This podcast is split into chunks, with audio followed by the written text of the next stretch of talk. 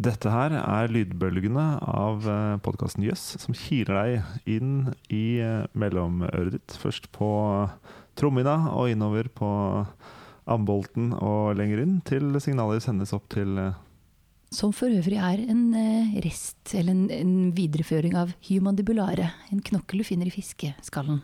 Ja, så jeg har litt eh, fiskebein i mellomøret, mener du? Ehm, og hun som nettopp eh, avbrøt introduksjonen av denne podkasten, er eh, Pia V. Dalen, som er tilbake. Takk for det. Marinbiolog eh, og Mundere. raring. Hva sa du? Ja, marinbiolog og mundere Og mundere. Ja, det har du også. og er definitivt en, en raring. Det er Jan Ole Hesselberg også. Um, psykolog, opptatt av beslutningspsykologi om dagen. Om dagen Ja. og noen år til, Ja. antageligvis. Og av og til på kvelden. eh, Nei, ikke så ofte på en kveld, egentlig. Det Det er tvangsmessig døgnet rundt, uh, føler jeg. ja. Ja. Og uh, Bjørn Eidem, som um, er uh, litt ferskere i jøss-gamet, og som er eh, kjemilærer på en videregående skole i Trondheim, med en elevgruppe som du nå har uteksaminert, men som er eh, De er litt av en gjeng.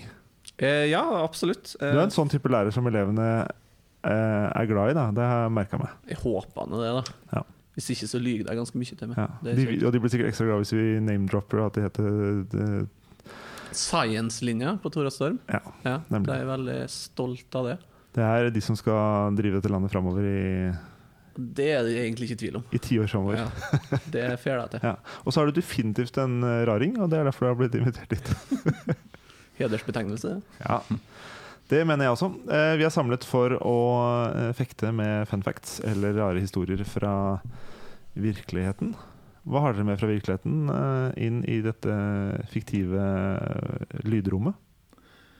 Jeg eh, selger inn med følgende overskrift Enda bedre å være digg enn man tidligere har trodd. Vi har jo alltid visst at det er mye bedre å være digg fysisk sett enn udigg fysisk sett. Nå bekrefter forskning at det er enda bedre å være digg enn man tidligere har trodd. Ok. uh, ok. Takk. Bjørn, hva? uh, ja, jeg skal prøve å forklare hva pizza, kreft, magnetiske kakerlakker, eh, berg-og-dal-bane, nyrestein, eh, spytt og penger og bakterier har med hverandre å gjøre. Ja. Mm. En, en. En dag på Tusenfryd? Eh, ja, altså, det kan være det. Er det riktig svar? Eh, det kunne vært det, men nei. nei. Jeg hang meg sånn opp i den digge. Det eneste, den godte grisen i meg. Og tenkte sånn digg, ja, Seimen er ganske digg. Det tok Jeg skal fortelle om en finsk soldat som tok store mengder med metamfetamin. Den vet jeg hvem ah, okay. Jeg skal fortelle dere at vi er mer i familie Eller vi er i familie med brukte kondomer. Ok, Det høres ut som det kan bli seigt og klissete. Det er familie med det, ja. Noen ganger føler man seg litt som en brukt kondom, gjør man ikke det? Det er en, Gjør du? eh, Når, når, når føler du deg som en brukt kondom? Jeg vet ikke, men jeg bare tenkte at det høres ut som noe man føler seg som en gang iblant. Ja, Når var Ja. sist du følte deg som en brukt kondom? Nei, det, er jo, det høres jo unektelig ut som litt sånn mandag, så mandag morgen-fenomen, da. Det er ganske Ja. ubrukelig da. Det har liksom gjort nytten din, og så er det sånn Ja, Kan ikke resirkulere den, liksom. ja. Hvilke av disse historiene vil dere høre mer om? Pia. ja. Brukt kondom. kondom. Ok. da vil jeg introdusere dere for eh, vår venn Sjøpungen. Som da også har fått navnet tunikat, eh, asidie, sekkedyr. Um, jeg syns jo alle dem Da snakker vi ikke om uh, badetiss. Ikke badetiss, selv om det selvfølgelig også kan eh, Det er veldig, altså I den podkasten her så er jo alt en eufemisme, så det, jo da. vi Kan snakke om badetiss òg. Du snakker om en art. Jeg snakker om en gruppe med dyr Gruppe. som heter eh, tunikater eller sekkedyr. Og det, Men er det det samme som sjøpølse? Nei, det er det ikke. Og det er det som er litt sånn eh, common misconception. Da, vet du, at sjøpølse det er en, pigghud, eller en pigghud. Så det er søskenbarnet til sjøstjerna og kråkebollene. Og kryper rundt og har tubeføtter som man for øvrig smaker med. Det er ganske stilig. Og er eh, generelt litt sånn mer mobil. Sjøpungene, de sitter fast. De er eh, ja, setter seg egentlig fast på alt som er sånn semihardt. Uh. Og vokser absolutt overalt. Hvis dere har vært ute og dykka eller snorkla, eller hva som bare titta under overflaten med noe annet enn egne øyne, så har dere mest sannsynlig sett en sjøpung, for den vokser seriøst overalt. Jeg er så fan av sjøpung, så jeg døpte båten min Emmy Sjøpung. Ikke for å dra dette enda lenger ned i underbuksa, men hvis man bader med noe semihardt, eh, står man i fare for å Ja, det blir jo liksom Johan Golden som klarte å bli angrepet av blåskjell. Altså, Du må jo ligge der veldig lenge. For det er jo, de har jo skal vi se, gytet inn, de slipper egg og sperm, og så tar det vel to-tre dager for de virkelig har liksom lagd larve, og så bruker den larva kanskje en ukes tid eller to på å flyte rundt, og så bunnslår den, og så må den bruke en ukes tid. Så på hvis å du ligger komme ut. lenge i vannet Da, skal du, da er det nok andre utfordringer du Med har med kroppen din, vil jeg ja. tro, enn Jeg det. trekker det tilbake. Men du kan Klipp prøve. det ut. Klipp ut.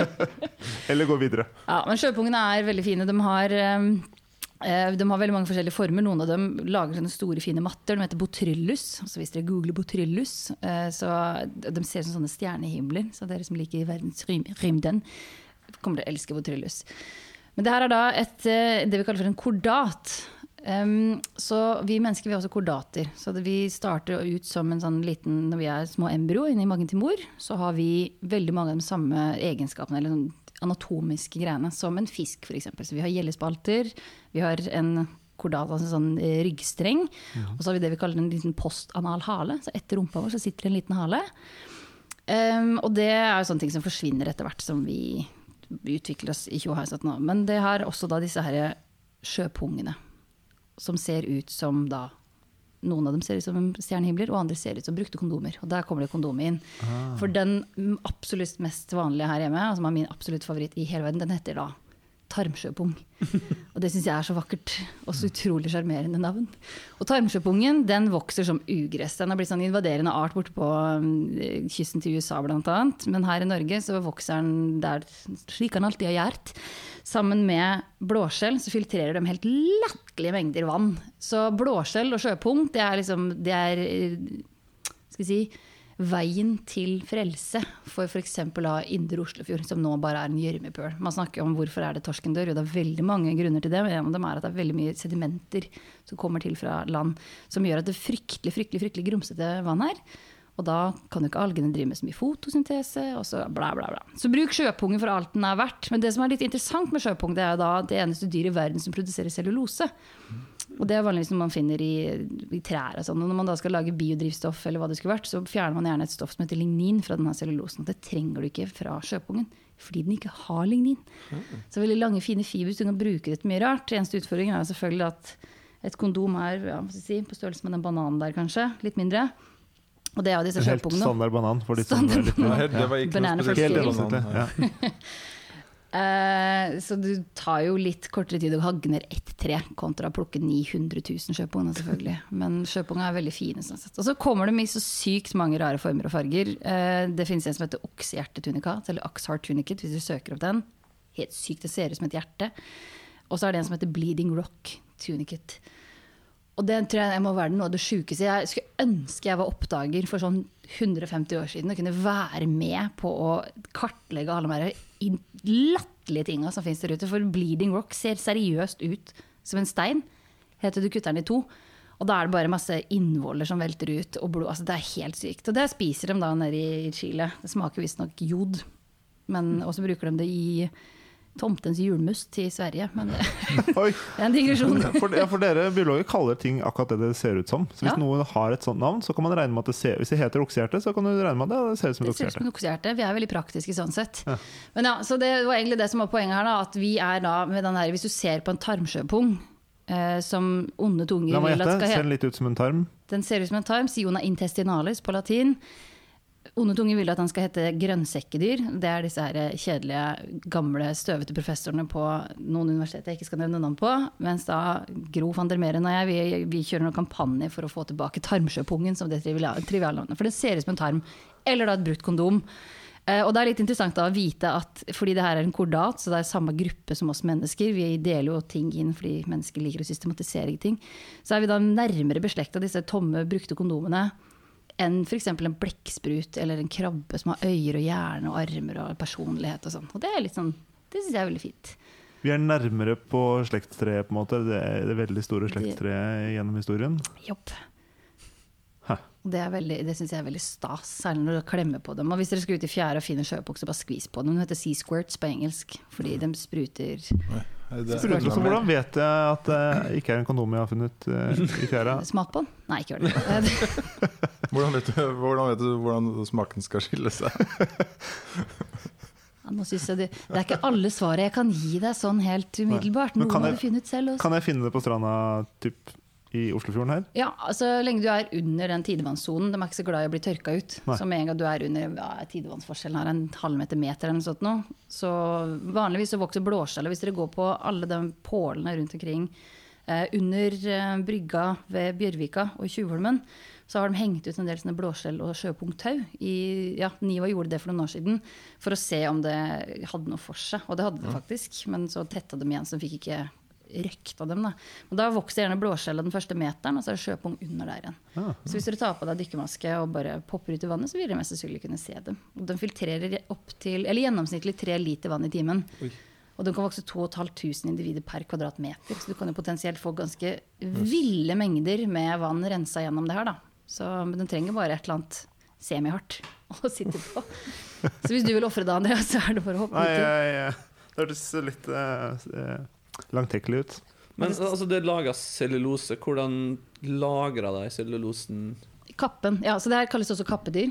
Ja. så de har en sånn ytre tunika, eller en kappe, da, av cellulose, og så har de en veldig proteinrik kjerne. Så man har blant annet borti Bergen sett litt på om man kan gjøre det her kommersielt, dyrke dem opp. For de krever jo ingenting. Um, og skille da den proteinrike kjernen og bruke det som f.eks. dyrefôr. Og da bruke cellulosen til noe annet vettugt. Men det er å finne den effektive kostnads-bla-bla-biten på det der, da. Men hvis du sitter hjemme, så vi satt og lurte litt på om vi skulle lage sånn do it yourself sjøpunkit, som plant en pung-type. Utafor brygga di kan du være med på å lage Altså bare det navnet. Plant en pung. Ja, jeg synes det er med på å fint. Ja, kanskje vi skal lage en kickstart på det. Ja. Ja, da må vi nesten gjøre det. For det, jeg tror det kan være sånn Det, det står sånn, ganske det er- dårlig men, til. eh, Men eh, må eh, passe på at man skiller seg fra eh, teabagging-bevegelsen, eh, som, som også bruker 'plant en eh, som sin slogan. Place a? Nei. Ja, det skal vi finne ut av. Men det er i hvert fall, eh, jeg har troa på at eh, plante en pung er med på å redde Oslofjorden. Mhm. Så da avslutter vi med det, så kan det være en cliffhanger til alle som lurer på mer. Ikke send meg melding ennå. Jeg skal finne ut av det først. Gøy. Hva vil du høre om nå? Jeg har glemt pizzaen. Pizza. Ja, pizzaen er en liten del av her, men man må liksom starte en plass. Eh, så dette er sikkert en del eh, av de som hører på, som vet om fra før, men jeg syns det bare er så fantastisk artig at jeg må prate om det. Ig Nobel. Ja. Eh, fordi vi har Nobelprisen. Nobelprisen er laga av Alfred Nobel. Og Han heter legat som det deles ut penger av, og det er veldig seriøse greier. Og det er stort hu og hei, og det, ja, det er veldig prestisjefylt å bli nominert. Eh, og du fjerner da Nobelprisen for eh, fremragende forskning og ting som driver grunnforskninga framover. Og så er vi Ig Nobel, som er da eh, egentlig drevet av en haug med studenter. Og de sier da sjøl at de hedrer forskning som først får deg til å flire, og så får deg til å tenke. Så derfor da alle de stikkorda. Så hvis vi da ser på hvem som er vunnet før Så i fjor i medisin, og det, det beste er liksom kategorien som har putta ting inn i. Det syns jeg er fint. Eh, medisin, eh, der var det en italiener og en eh, kar fra Nederland, eh, nei, flere var det faktisk, eh, som eh, så på om pizza kan kan gi deg beskyttelse mot kreft. Og da spesifikke typer kreft. Så jeg så på prostata, tarmkreft, lungekreft og litt forskjellige greier. Og kom fram til det at jo, kanskje hvis pizzaen er laga og spist i Italia, så kanskje. Og så kom det fram altså, Hvis du leser litt lenger ned i den artikkelen det er skrevet, som ligger fritt tilgjengelig ute, så sier de jo at eh, det kan jo hende at pizzaen egentlig ikke har noe med det å gjøre, eller at bare den er en veldig liten del av den dietten som er typisk for de som spiser mye pizza. Ja. Eh, og at Ja, så det, det diskuterer jeg. Det, det er en veldig fin artikkel, men det er sånn når du hører bare tittelen, så er det sånn Hvorfor, hvorfor, det- hvorfor fikk de penger for det her? Og så, men så er det da eh, egentlig ganske reell. Altså, de, de sier nå sjøl at det her kan være en indikasjon på noe annet, så det bør studeres mer. Ja. Eh, Men eh, for i det jeg tok meg lang tid å skjønne med Ig Nobel, er at det er eh, virkelig ordentlig forskning. For Ja, ja. de første gangen man hører om det, tenker Helt man dette, dette, er bare, dette er bare noe Dette er bare noe sidegreier noen gjør for moro skyld. eh. Men det er, det er ordentlige studier. Det er bare litt, uh, høres litt gøy ut når man hører om det første gang. Ja, altså det, det er noe da av de som har vunnet før, så er det noe av folk som har fått publisert i sånn som Nature, f.eks. Er artiklene sine. Men når du bare leser tittelen, så høres det ut Hva i all verden er det? Altså, altså det fine, det veld, veldig veldig fine med det, er at jeg har ordentlig premieseremoni, der det da blir delt ut den prisen der nå. Og da er det ekte nobelprisvinnere som deler ut prisen til Ig Nobel. Eh, og med, og du, du, kan se, du kan se bilder på nettsiden deres av at det er karaokefest og det er skuespill av Nobel, seriøse nobelprisvinnere som står på en scene for å da hedre de folka som har gjort eh, litt sånn smårare ting. Eh, sånn som de som eh, kom fram til det at eh, døde magnetiserte kakerlakker opp, eh, oppfører seg annerledes enn levende magnetiserte kakerlakker. Du bare har den tittelen. Altså, det har en sånn fancy uh, forskertittel på det. Uh, In vivo biomagnetic characterization of the American cockroach. Så det høres bedre ut. Men det de gjorde, var det at uh, altså, Kakerlakker er et av de insekter som uh, navigerer ved hjelp av magnetisme. Sånn som du og en del fisker litt sånne ting. Så, um, så de tenkte liksom Ja, hvorfor det? Hva er det som gjør det? Så de analyserte kakerlakkene og identifiserte da eh, metallholdige stoffer i kakerlakken som da er sensitive til magnetfelt. Og for å da sjekke liksom hvor bra greier de å eh, navigere seg etter magnetfelt som skifter, så tok de da og magnetiserte de eh, magnetiske partiklene i kakerlakken. Og så målte jeg bare liksom, hvor lang tid er den kakerlakken her magnetisk. Etter at den er død? Eller? Nei, de gjorde det på levende og på døde. De hadde vel en sånn sju, åtte, ni levende og omtrent samme døde. Og det jeg fant ut, som er veldig kult, er at hvis du er en levende kakerlakk, så er du magnetisk i 50 pluss minus 28 minutter.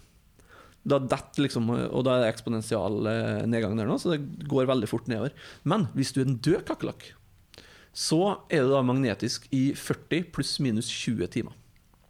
Hvorfor det? Ja, hvorfor det? Det er det store spørsmålet. da Det er, liksom det de sier på slutten, at vi vet, ikke helt hvorfor det er sånn.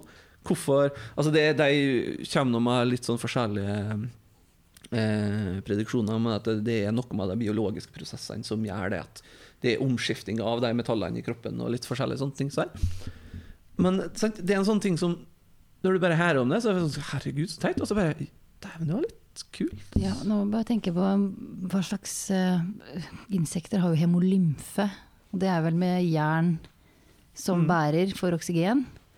Og det er jo metallisk og magnetisk. Kanskje det Ja, kan det var snakk om spesifikke partikler som befinner seg i på en måte brystet på kakerlakken, og holder seg der. Det er ikke fordi dette jernet eller ferromagnetiske metaller byttes ut hos levende kakerlakker, men så, så er det Nei, altså Det er sikkert noen kjemiske prosesser som endrer på det, som endrer da magnetismen i det. Det er det jeg gjør, da. Eller det jeg tror. Um, og det artige er at det er grunnen det sier i introduksjonen at grunnen at vi ser på dette, her er at det er folk som har eh, testa hvor godt eh, kakerlakker greier å orientere seg etter magnetiske felt.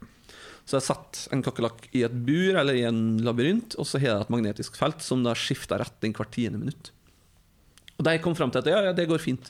Men så kommer Sarne her og sier at nei, men det går ikke. For det tar såpass lang tid før det magnetiske på en måte Omstilles i Ja, det omstilles for deg. da Det tar 15 minutter før liksom det magnetiske inntrykket som de Men når du sier magnetisk, dette bruker de for å navigere? De kakerlakkene vet hva som er nord og sør og øst og vest? Ja, det er noe, noe sånt, da. Ja, For det lurer jeg på, for det, de magnetiske nordpolene, eller polene våre, skifter jo på hverandre. Det tar riktignok litt lengre tid enn 20 minutter, men jeg har, jeg har lurt fælt på hvordan de større dyra som da orienterer seg etter magnetiske polene, hvordan de forholder seg til at det nå er på vei. For de bruker vel gjerne det for nord-sør. ekstremt langsomt, det magnetfeltet. da Jo, men det kan jo Det er kanskje, at kanskje noen meter i året, men noen meter oppå Nordpolen det, merker, det har ikke noe å si ja, for nå er den, ligger den ved Canada, gjør den ikke det? Jeg tenker liksom sånn der, Skal du til Nordpolen og så ender du på Canada, så har du bomma litt. Ja. Men det er det som er artig, da. At det liksom, ja, du begynner å tenke på sånne ting som det her.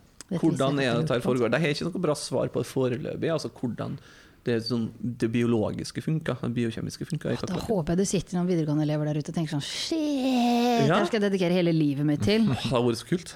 Har du flere Ig Nobel-eksempler? Ja, her er en som jeg ikke har sett så veldig mye på, men jeg bare syns det er en fantastisk fin beskrivelse. Det er anatomi, en kar fra Frankrike. Eh, to karer fra Frankrike som målte skrotumtemperaturasymmetri i nakne og påkledde postmenn i Frankrike. Postmenn? Postmenn. Nakne og påkledde postmenn.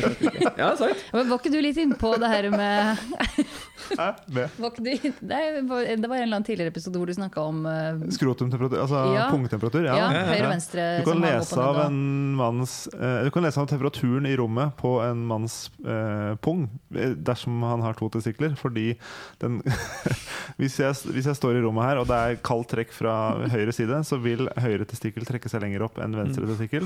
testikkel og motsatt. Da. Hvis, så du kan, du kan på en måte lese av eh, Er det det Det, det som det står da bakgrunnen for at jeg har gjort her, nå her, som jeg forklarer, er at skrotumtemperatur i menn eh, har blitt rapportert enten være lik på begge sider, eller høyere på venstre enn på høyre side. ja. Så Men da hvorfor, for å hvorfor postmenn, lurer jeg på? Nei, det er veldig godt spørsmål. Hvilken side har de noen posttaska si på? Eh, De er ofte nakne i utgangspunktet. Postmenn, ja. Ja. ja. På besøk hjemme hos Det er- folk det du skal levere posten til, mener du? ja, det er ikke forklart i det abstrakte altså det sammen uh, Ja, det er draget her nå hvorfor det er postmenn. Men er det, er det Ig Nobel, den utdelinga, er det der de kaster papirfly? Siden du er en papirflyentusiast det kan godt hende, det. Det altså tror jeg. Også, jeg tror jeg har sett en sånn hvor de også um, For de skal jo holde taler, Ja. og takketaler, litt som i Og derfor Det er 60 minutter på utdelinga. Ja, Ja. Og- og Nei, 60 sekunder, beklager. ja, 60 sekunder. Og hvis de går over taletiden sin, for det skal ikke være kjedelig, de skal kunne mm. takke veldig kort, og hvis de går over, så har de ansatt en jente på sånn 8-10 år. Som kommer opp på podiet og dytter, poker dem i sida og sier 'I'm bored'. I'm bored. I'm bored. Og oppdraget hennes er å ikke gi seg før vedkommende går ned fra podiet. Så hvis du går over taletiden din, så kommer det en liten jente opp og bare plager deg helt til du gir deg. Jeg må, jo, jeg må jo fortelle at jeg har skrevet en artikkel En vitenskapelig artikkel sammen med en Ig Nobelprisvinner. Ja. ja. Carl Halvor Teigen eh, fra Norge. Han har funnet en pris for en artikkel som handler om, eh, om sukkets betydning. Hvor, eh, Altså, hvor, ja, hvor norske da, studenter har blitt eh, utsatt for oppgaver som, eh, som er uløselige. Og da har de sittet og liksom ventet til de har sittet og holdt på kanskje et par timer. Da, og så og så har de da forsøkt å det er ganske, det er ganske nærme en annen som ble delt ut i fjor. Fredsprisen, Ig fredsprisen i fjor, ble delt ut til en eh, haug med folk fra Storbritannia, Saudi-Arabia, Singapore, USA, som prøvde da å måle eh, the pleasurability, altså hvor, hvor godt det er å klø seg når du klør. Å, Men det er det beste. Ja, sant? Og det er sånn Ja. Så jeg prøver liksom å kvantifisere hvor, hvor godt det er det å klø seg. Litt avhengig av hvor du klør, antar jeg. Det er det nok. Og det, nei, men det er Hva man har på Sjekk ut. Altså. Google Ig Ja. Og så les Det er jo årlige er? utdelinger, så det er jo, det er jo et Ja. hav av fantastiske I september så er det en ny utdeling. Og du kan kjøpe billetter og og fare til Harvard uh, og varme opp på utdelinga. Og hvis du er en vennegjeng på fem stykk, så kan du da få status som offisiell delegasjon til Ig Nobel-utdelinga. Hvor mange er vi i det rommet her, da? Norge. Vi er fem her, hvis vi tar med Vincent. Vi kan dra og være offisiell norsk Ja. delegasjon. Og da får du litt sånn VIP-plasser Ja. og sånne ting. da. Og så er det noen hvis jeg ikke husker feil, så er det noen veldig få eh, folk som har vunnet både ordentlig Det er Nobel en person. og én person. En fysiker, en selvfølgelig. Ja, fra Russland, som vant da Ig Nobel for å uh, levitere frosker Ja. med magnetisk levitasjon. Uh, og i to, Det var i 2000, og i 2010 så vant han Nobelprisen i fysikk for å være med å oppfunne grafen. Altså et grafittmateriale. Ja, så det ene seriøse prosjektet så tok han teip på typ, kjernen i en blyant og reiv av teipen og fant opp grafen. Mm. si det. Ja, det er omtrent sånn. for det er et veldig veldig tynt lag med grafitt. Ja. Og i den andre så fikk han en frost og svele inn i en, inn i en liten vannboble. Putta magnet inni frosken først, da? Eller var det Nei, ikke noe magnet. Altså, han fikk en, han fikk egen, de fikk egentlig en, eh, en dråpe, en stor blob. En stor Hva blir det for noe? En stor Klump? klump med vann. En, stor, en kjempestor dråpe med vann til å sveve. Og så tenkte de hei, kan vi ikke putte en frosk inni? Det er gøy. Hm. Så det er ikke noe magnet i frosken, men de har fått vannet til å sveve med magnetisme. Ok.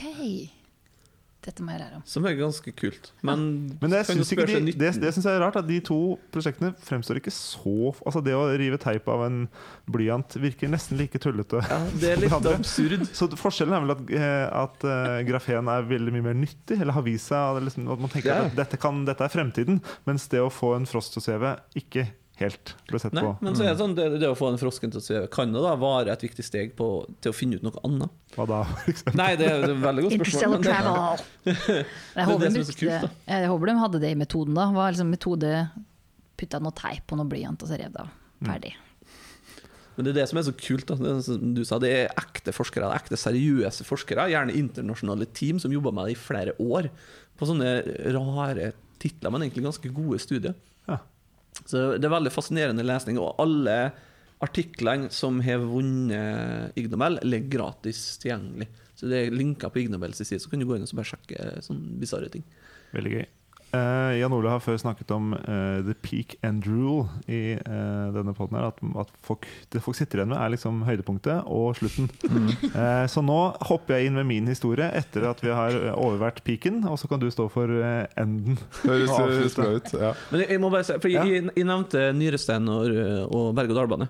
Ja, så, så folk ikke lurer på hva det var. Det var noen som tok en eh, ei dokke egentlig som jeg bruker til å simulere nyrestein, og satte på en berg-og-dal-bane. Og fant ut hvor måtte du sitte på berg-og-dal-bane for å få ut nyrestein raskest. Riste nyresteinen ut. Ja, og det er bakerst. 23 av 26 ganger, og framerst så var det 4 av 25 ganger.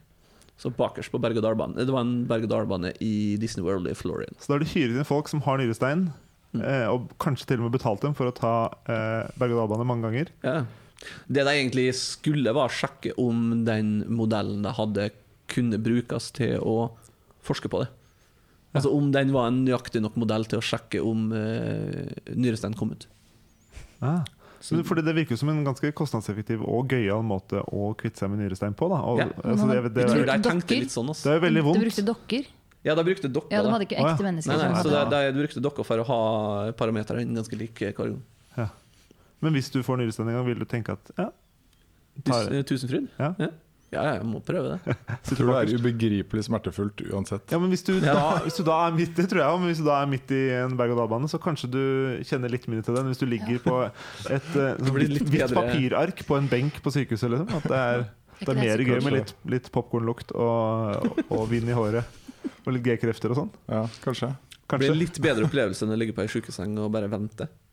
Er ikke det noe Du psykologi høres ikke overbevist ut. Jeg er ikke overbevist. De må jo placebokontrollere der òg, for de må jo ta en studie der hvor folk tror de tar berg-og-dal-bane med nyrestein, og så hvor de ikke.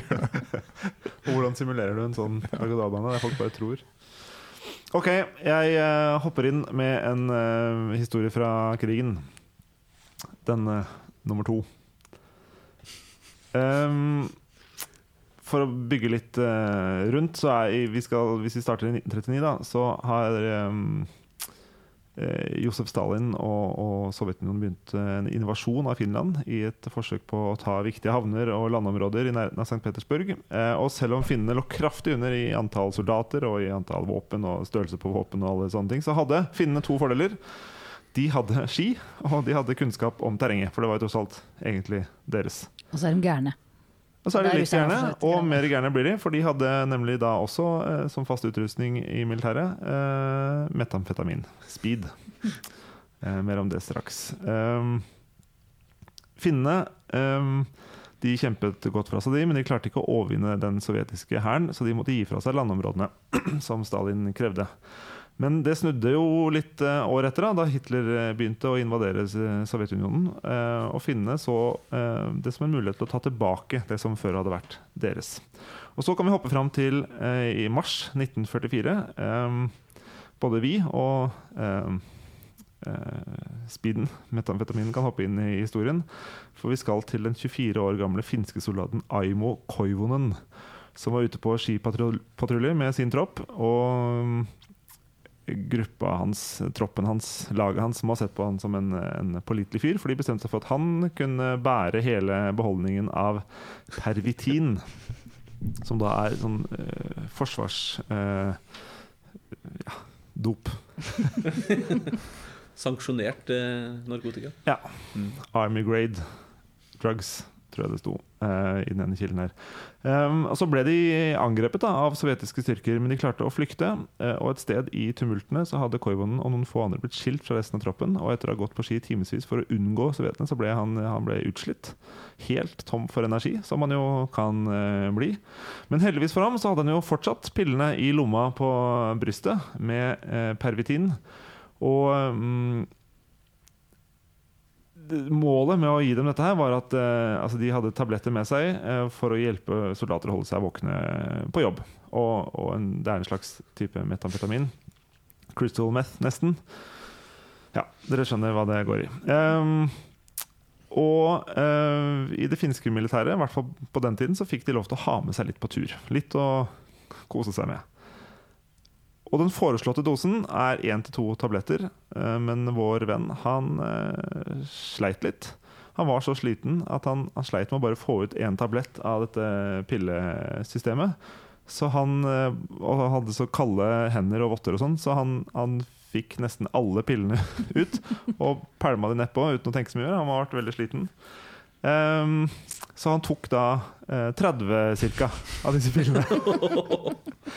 og etter noen minutter så eh, forteller han at eh, Og de som var sammen at eh, medisiner begynte å slå inn. Han følte seg ganske mye bedre, fått litt mer eh, energi. Eh, og etter noen minutter til så begynte de virkelig å slå inn. For da hadde han en, en veldig kort og voldsom energiboost der han hadde all energi i verden, før han gikk inn i en slags forvirret tilstand og mista bevisstheten helt. Og Koivonen selv han husker bare at han våkner opp morgenen etter, atskilt fra resten av eh, gjengen, og helt uten forsyninger. Han hadde ingenting. Og i dagene som følger, så eh, slipper han unna eh, det, er det som er så trolig. han slipper unna sovjetiske styrker en gang til. Altså De sporer han opp, og han klarer å, løpe fra dem. Han tråkker på en landmine, og beina hans går i, i fillebiter. Han har åpent sår med splintrer som står ut. Han blir liggende i en grøft i en uke mens han venter på hjelp. Eh, før han kommer seg opp og går mer enn 40 mil på ski. Før, før han ble funnet og innlagt på sykehus eh, i nærheten. Der hjerterytmen hans eh, da, i, i to uker etter at han tok disse pillene, eh, ble målt til 200 slag per minutt. Dobbelt så høyt som det som er sånn cirka vanlig for oss. Da. Eh, og han veide bare 43 kilo. Og i den uka hvor Koivunen var borte, så levde han bare på noen sånne granskudd, altså de ytterste på trærne. Og han klarte å fange en fugl. en, en lauvskrike, er det noe som heter det? Eh, lavskrike, noe sånt. Eh, som er en sånn liten kråkefugl som han eh, spidda med skistaven eh, sin og spiste rå. Så han, han orka å plukke litt av fjærene, har han beskrevet. Og så bare orka han ikke mer, men han beskrev at, at den smakte fantastisk bra, for han var jo utsulta. Så han klarte seg da i minus 20-30 grader i, i to uker før han ble funnet. Og da hadde hun jo rukket å være livredd og sovna av utmattelse, men klarte på et eller annet underlig vis å holde seg i live. Og så kom det en finsk eh, gjeng, og han eh, klarte å rope om hjelp, men, men de stakk. For de hadde en annen de skulle redde, og så sa de bare 'vi kommer tilbake'. Og han prøvde å kommunisere at ja, men jeg holder på å dø her, dere må, dere må ta meg først.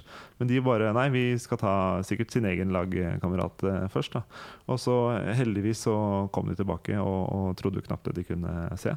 Og så tenker man kanskje at dette kan jo umulig være sunt for, eh, for fyren. Men Ivo Aivo han levde i 45 år til, han. Til han døde sånn på, på 70-tallet. Jeg, det er bare to ting slår meg av. Det ene er Coke Bear. Har dere hørt om den? Det var en bjørn som nå står utstoppa i et eller annet museum borti USA, som hadde gafla i seg tre kilo kokain.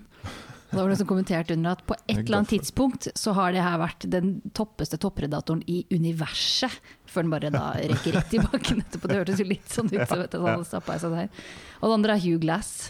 Kjenner du til han? Er Hugh Glass er han som eh, De har basert åh, Jeg klarer aldri å huske Revenant? Revenant den var. Leonardo og ja.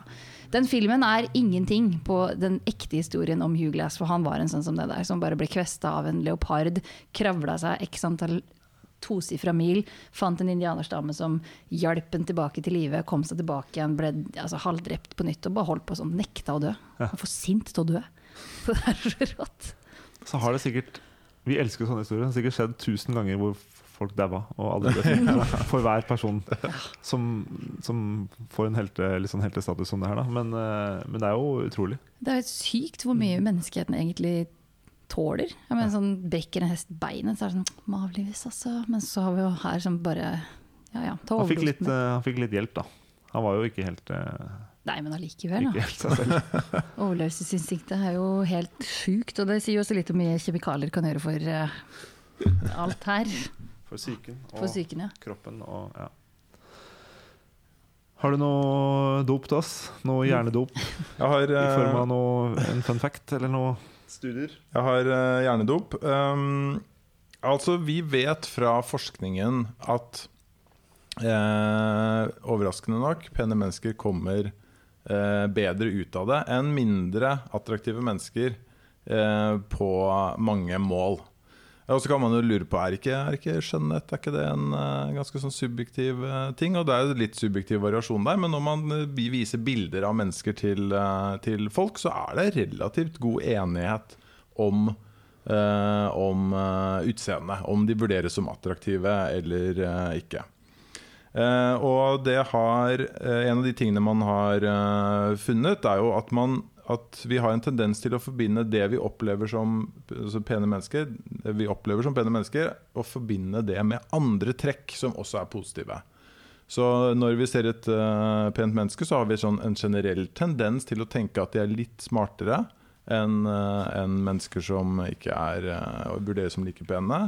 Vi vurderer at de har bedre helse, at de, eh, og at de har bedre eh, sosiale ferdigheter. Og faktisk til og med studier som tyder på at mennesker som er mer eh, attraktive, som vurderes som mer attraktive, oppleves som mer sympatiske. Så, så at, at pene mennesker er mer sympatiske enn mindre pene mennesker. Selvfølgelig veldig kontroversielt, dette. Men det, Spesielt når det kommer fra en, en som selv syns han er så pen. Eh, ja, dette er jo, taler jo bare til min egen fordel. Ikke. Uh, så uh, Men det, det som uh, Du ble litt rød plutselig. Ja, nå ble jeg rød, ja, for det er, det er attraktivt å bli litt rød. Så da, det gjør jeg kontrollert nå, Ja. for å få mer goodwill. Har du noe sånn blymaling så kan Ja, jeg skal male ansiktet ditt hvitt. Det er det som er Ja, det er det, det er det som er bra. Ehm, eh, men der, er, så er jo spørsmålet Det er jo om hva får dette faktisk å si ute i den virkelige verden. Og det er veldig vanskelig å måle, for det blandes alltid sammen med så mange andre ting. Så hvis du, hvis du La oss si at du faktisk får en del fordeler eh, fordi du er pen, så er det jo da, da begynner det jo en del av de tingene å stemme. Ikke sant? Hvis folk eh, behandler deg penere, f.eks., så blir du sånn, eh, kanskje mer omgjengelig. Hvordan? Ja, behandla sånn, du folk penere? Ja, du er snillere med dem, da. Ja. Ja. Ikke, ikke behandle dem penere som i penere. Nei, det er bare ja. Så, du, så du plutselig får du sånn virvar av Ja, interaksjoner som du kan, må, er vanskelig å skille fra hverandre i studier da, når du skal forske på dette. Men én måte å gjøre det på, og som er gjort i flere andre sammenhenger, det er altså eh, sende ut en hel haug med jobbsøknader med og uten bilde. Og bilde av eh, av eh, pene mennesker og mindre pene mennesker. Eh, og det har de gjort da i en kjempestor eh, studie. Sendt ut 11 000 CV-er. Selvfølgelig i Italia. Og han forskeren som står bak det, han ser ut som en fyr som er veldig opptatt av eh, akkurat den tematikken her. Uh, ser litt sleazy ut, hvis jeg skal være helt uh, ærlig. Um, uh, og så da har, så de har sendt ut da 11 000 CV-er, og så har de variert navn og, og kjønn og eh, bilde. Så halvparten av de hadde bilde, halvparten hadde ikke bilde. Halvparten var av det som kan beskrives som attraktive mennesker, som var vurdert av en jury på 100 mennesker. Som var vurdert om de var, var det et pent menneske eller ikke. Eh, og så så man da på svarfrekvensen. Så det er akkurat samme innhold i CV-en, Ja. og så svarfrekvensen. Og eh, eh, blant eh, Hvor mange fikk svar på søknaden sin? Er det det? Eller Det- er søknaden post, om de fikk positivt svar på søknaden? Det var rundt Altså de som fikk, ble bedt å komme inn på intervju, det var rundt eh, 35% tror jeg, totalt Ja. sett. Jeg lurte ikke på hvor mange eh, Men hva er, det vi, hva er det de måler? Hvor mange som får positivt svar? Ja, de som, vil kan du komme på intervju på denne jobben? Okay, ja. Eh, og eh, forskjellen der eh, hos eh, menn var at 47% av de som hadde var liksom attraktive, ble innkalt inn til intervju, mens de som var vurdert som ikke attraktive, var kom det 26 ble invitert på intervju. Ca. Okay. halvparten. da Ja. Hos kvinner var det 54% mot 7 Oh, shit. Og det er sam ah, prikk lik CV. Akkurat det er ingen informasjon som er eh, endret på CV-en, så det er gjort akkurat det samme. Det eneste som varieres der, er det bildet. Og det fører da til henholdsvis en forskjell i svarresponsen på 54 mot 7% Likestillingen har gått for langt. Og den eh, Ja, ikke sant? Det er et veldig godt eh, eksempel på det. Ja, no, noen sier jo at nå er det gått for langt. Ikke sant? Vi, har, vi er i mål. Ja. Er egentlig, nå, nå er vi egentlig et likestilt eh, samfunn. Eh, dette er jo et, et eksempel på en kjønnsforskjell som er dramatisk stor. da Ja. Eh, dette, denne, denne studien er jo et eksempel både på at du har en, en, ganske negativ forskjell som behandler om det med utseende, som ikke er bra om du skal finne den beste kandidaten til jobben din. I tillegg så har du en kjønnsforskjell der, og du har også en forskjell i Italia, altså dette er Italia, i Italia italienskklingende navn mot utenlandsklingende navn, hvor svarprosenten var 39 for eh, de italienske, 13% for de som hadde utenlandske navn. Og akkurat det samme har vi funnet i en norsk studie også. At uh, hvis du har et, uh, et uh, navn som klinger arabisk, så får du langt lavere svarprosent enn eh, Eller blir kalt inn mye, mye sjeldnere enn om du har et norskklingende navn. Hva, hva er kuren for det her, da? Hvordan kan jeg løse det her? Hvis, kan jeg Hvis jeg er arbeidsgiver og skal få inn søknader til en stilling, Ja, kan jeg be de ikke sende med bilde? det, Ikke sende med navn? Det ville vært en bedre måte å vurdere søknaden på. Ja, altså dette, er, dette handler jo litt om det som er tema for min eh, doktorgrad også. Ikke sant? Hvordan skal man klare å filtrere ut informasjon som er, eh, påvirker beslutningene dine på en eh, negativ måte? Og dette er et krystallklart eksempel på noe som, et veldig enkelt tiltak, og det er å nekte bildet. ikke sant? At du fjerner, du sier at det ikke er lov med bildet. Og at navnet ikke skal synes når du skal vurdere den eh, CV-en. Det er det flere som har begynt med. Oslo universitetssykehus har gjort, eh, begynt med det som standard nå. At de skal fjerne informasjon om kjønn og om eh, navnet når de vurderer jobbsøknader. Hm. Uh, og jeg tenker at det, dette er det enkleste, det enkleste grepet du kan gjøre. Du vil jo likevel møte de i jobbintervju senere, sånn at, eh, sånn at du vil på en måte må håndtere de problemene på en annen måte ved en senere anledning. Men akkurat der så er det um, helt åpenbart den beste måten å gjøre det på. Og vi påvirkes jo selv om vi tror at vi ikke gjør det. Disse menneskene vil jo, Mange av de som har uh, blitt påvirket, vil jo si dette bryr jeg ikke meg om i det hele tatt. Det har ikke hatt noe å si for beslutningen min. Bare at Tremenningen min har jobba med der, Magnus Huth, han er også psykolog. Han sitter her i Oslo, og han fortalte meg om at de hadde jobba med en stor kjede på akkurat det der, og hadde hatt en økning på ganske mange prosent, eller tosifra prosent, da, på omsetning etter at de jobba bort dem. Altså, de, de gikk gjennom den førstegangssilinga, da, og så hvem som ble sila bort da. Altså, akkurat det du snakker om. Og da de fikk litt sånn ordnings på det, da, om det var, om det var, jeg husker ikke om det var bilder, de tok i hvert fall bort navn. og så på hvem som faktisk var kvalifisert, og ikke hvem som het den riktige tingen. Så bare ja. Det er eh, sykt spennende, og nå skal jeg slutte å snakke, for nå husker jeg at jeg merker at jeg har ikke akkurat detaljene inne. Men eh, Magnus Huth, hvis du hører på det her!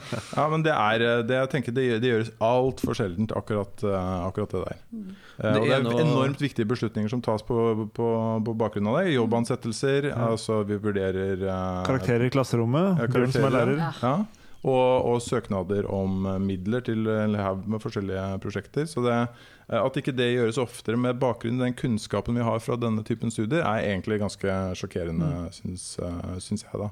Og det er jo et innspill også i den debatten nå rundt, rundt det som har skjedd i USA med, med politivold også. Dette er ubevisste prosesser som, som vi må forholde oss til, enten vi, enten vi, vi tenker at vi rammes av det eller ikke. Og da tenker du på at politiet nå ikke har ID på seg, så du vet ikke hvem som er bak maska? Det du tenker på? Det er, det, det er alltid det jeg tenker på. De må ha bildet mye tydeligere. Ja. Mye med digge politifolk. Og med, og med navnet på, ikke sant? For hvis, da, hvis politi, man har et uh, arabiskklingende navn, så vil du Er det det du tenker på? At de vil Er det politiet du er bekymra for? Nei, ikke, ikke, ikke så mye politiet foreløpig, nei. Men det er noe Altså, jeg har søkt mange jobber, jobber på mange skoler, og da eh, jeg leser mange sånne jobbsøkerguider, og veldig mange sier nå at du skal ikke sende meg bilde. Med mindre det står eksplisitt at du, de vil ha bilde, så skal du ikke gjøre det.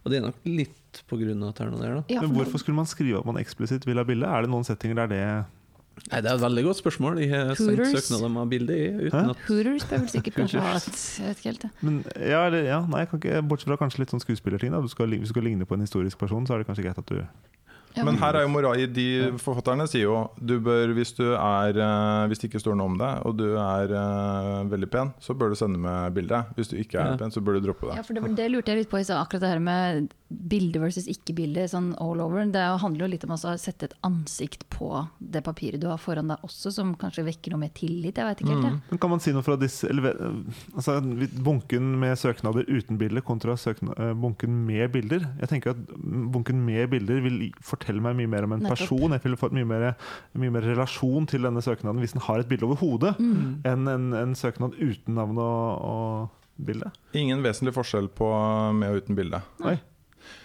Forskjell i den norske studien på ikke da var ikke bilder, men på privat og offentlig sektor. Eh, så det er, det er mer eh, utslag av dette med navn og sånn på i offentlig eller privat sektor. I privat. Ja, Ja, ok. Men jeg, jeg har lest er jo at eh, altså, Apropos sånn jobbintervju, at hvis du først til å komme på intervju, så har du egentlig ikke kvalifikasjonene dine noe særlig. Så hvis du først Hvis jeg liksom først har sett på CV-en din, så bare ja, dette er en person som skal kunne det som jeg vil at jeg skal kunne. Så det eneste som teller om du får jobben eller kommer til videre intervju, er personligheten din. Du må, de må, jeg har lest studier på det før jeg syns, i hvert fall. De hadde ikke giddet å ta tatt deg inn til intervju hvis ikke du var kvalifisert, og deretter så ser de mer på menn... Altså, Ja, og det er, i de fleste tilfeller så er ikke de som intervjuer det, klar over det heller. Nei. Men det er liksom om humoren passer. Hvis du, liksom, hvis du klikker meg A, så er liksom, da er det gjort. Da, da kan du nesten si hva som helst i det intervjuet. Eh, for de faglige kvali- kvalifikasjonene har egentlig ingenting å si når du først er kommet til intervju. Selv om du skulle tro at på et intervju så dykker han litt ned i de faglige kvalifikasjonene og ser hva er det du faktisk skal holde på med. Ja, det det har du burde- kontroll på den tingen? det er det det burde være, i hvert fall. Og det er sånn som du hører intervju fra Google og sånne ting, der de får sånn caser når de kommer dit. Eh, men det er visstnok litt samme trend der. At du, du kan gjøre det dårlig på den praktiske testen, men hvis du kommer godt overens med de som intervjua deg, så har ikke det noe å si i det hele tatt. Moralen er i hvert fall at hvis du skal eh, ansette de riktige folkene, eh, så bør du, bør du se litt på vitenskapen her. Ja. Og ikke så mye på bildet. Ikke så mye på bildet. Nemlig. Applaus. La det være eh, end. ikke peak. Det er slutten på historiefortellinga. Um, hva ble dere mest uh, overraska eller belyst av i dag? Jeg syns det du snakka om, Jan Ja. Det Det var er ingen sånn som hører på dette, som ser hvem dere peker på. Jobbsøkeprosessbildet. Jobbsøke diggheten. ja. Jeg er enig. Du er enig? Vi hadde liksom en sånn ja, eh, formening om at det, det er sånn, men at det er så stor forskjell.